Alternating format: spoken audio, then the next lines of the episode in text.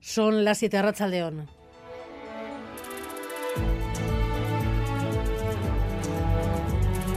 Gambara con Arancha García.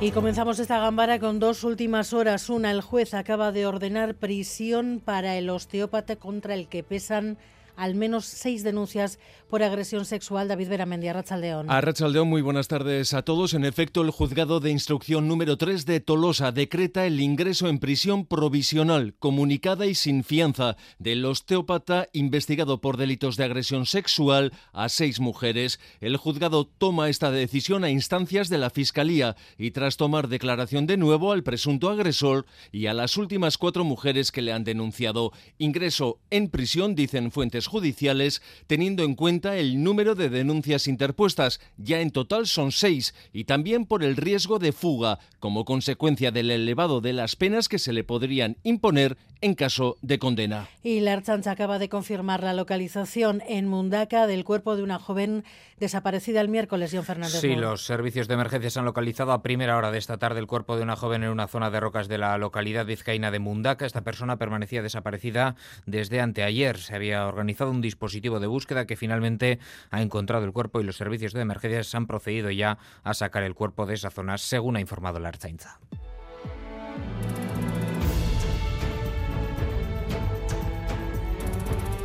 Las elecciones de la renovación de los nuevos candidatos, las elecciones totalmente abiertas, es lo que anticipa el EITB Focus, la primera macroencuesta para las elecciones de primavera que les estamos contando aquí. Las tendencias están claras, se mantienen las que ya vimos en municipales y generales y el resultado el más apretado de los últimos 20 años ganaría el PNV, pero por poco y Manuel Manterola. Se abre un escenario inédito. Nunca antes la cosa ha estado tan ajustada en unas elecciones al Parlamento Vasco entre la primera y la segunda fuerza. El desgaste del PNV y el fuerte crecimiento de EH Bildu reduce la distancia entre ambos a dos escaños. La subida de los socialistas completa un triángulo que posibilitaría todo tipo de combinaciones y acuerdos. La victoria del PNV se sustenta en Vizcaya, EH Bildu se consolida en Guipúzcoa y Araba, territorio clave, hará falta el fotofinish para el empate que el sondeo da entre PNV y EH Bildu. Todo a expensas del Carrequín Podemos y Sumar, que es una variable que influirá en el reparto final de escaños. Con los datos de la ITV Focus, y Manuel Prada les presenta las elecciones como la confrontación del modelo PNV y el modelo EH Bildu y Arnaldo Tegui como una cuestión de modelos de gobernabilidad. La confianza de la sociedad vasca sigue estando depositada en el Partido Nacionalista Vasco como primer partido para gobernar este país creo que la encuesta deja también claramente una fotografía en la que este país tiene que elegir entre dos opciones, o el Partido Nacionalista Vasco o EH Bildu. No se trata de elegir entre el PNV y EH Bildu, se trata de elegir entre el modelo Guipúzcoa y el modelo Iruña-Pamplona. A la encuesta le falta solo que se resuelva el tema en la izquierda confederal. Si van juntos, a pesar de las divergencias, podrían lograr cinco escaños, por separado tres. Nada parece hasta ahora que pueda acabar o que pueda decir que pueda acabar habiendo un acuerdo. De hecho, Podemos acaba de presentar a su candidata, Miren Gorrochategui. Es una candidatura que no cae del cielo. Esta candidatura no surge de la nada acoge la experiencia y el hacer. Yo quise poner en valor el trabajo que habíamos hecho en el Parlamento Vasco a lo largo de la legislatura.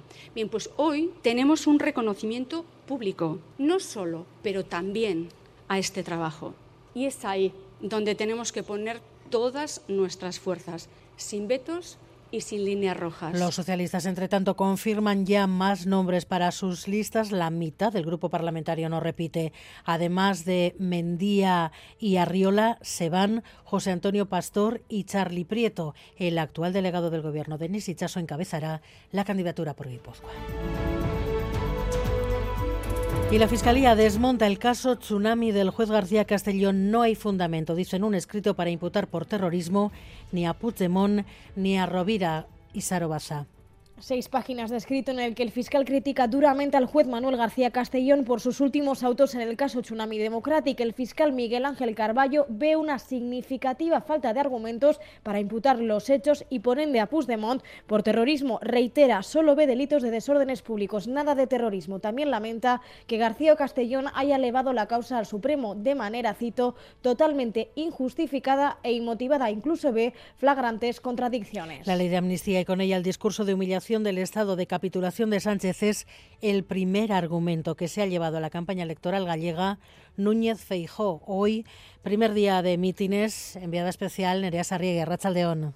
A Rachaldeón sí, Alberto Núñez Feijo se juega mucho en estos comicios y ya ha llegado a su casa para plantear la cita con las urnas como una elección entre Galicia y Pedro Sánchez, entre la buena gestión, decía esta mañana, y las facturas al independentismo y a las minorías radicales. Sánchez viaja mañana a Urense, es la cuarta vez que visita Galicia en dos semanas y en Ferrol estará Yolanda Díaz buscando que Sumar entre en el Parlamento. Todo ante un BNG que crece en todas las encuestas, aunque no lo suficiente para garantizar el cambio en la Junta. Y los deportes Edu García Rachaldeón. ¿Qué tal, Rachaldeón? Hoy de nuevo el fútbol. Así es, con el inicio de la jornada en Primera División en San Mamés, en el duelo entre Atlético y Mallorca. Un partido importante para el conjunto rojiblanco que quiere asentarse en plazas europeas y no distanciarse mucho incluso de los puestos Champions y que además viene de dos jornadas sin conocer la victoria. Perdió ante el Valencia y empató ante el Cádiz. Enfrente un Mallorca que en la liga pelea por la permanencia, pero que es semifinalista de Copa, jugará la próxima semana, de hecho, contra la Real. No estará ni Lecu ni Berenguer, mientras que Valverde ha recuperado tanto a Duárez como a Unai Gómez, además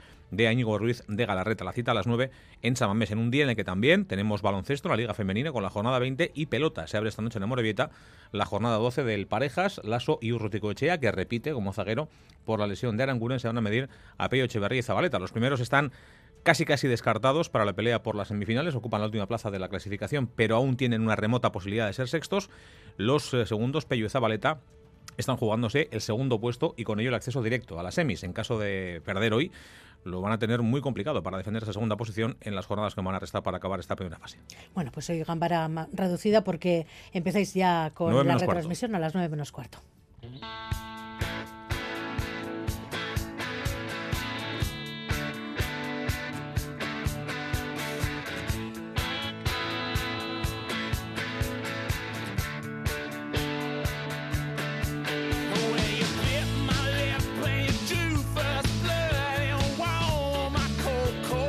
Pues no pensábamos que íbamos a dedicar nuestra contra nunca a algo como esto. Hoy se la dedicamos a una cata de tomates, Gary Suárez. Todo comenzó hace dos días cuando la exministra de Ecología francesa, Ségolène Royal, eh, no contenta con el enfado de los agricultores de su país, decidió meterse con los tomates españoles. Los tomates españoles son incomibles y sus productos bio falsos, dijo en una entrevista televisiva. El comentario no ha sentado bien dentro del sector y el propio presidente del gobierno salió al paso ayer. Invitación incluida para la exministra Gala a que venga a comer tomates. La señora eh, Royal no ha tenido eh, la fortuna de probar el tomate español. Yo le invito a que venga a España, a que pruebe cualquiera de las variedades eh, de tomate español y verá que el tomate español es imbatible.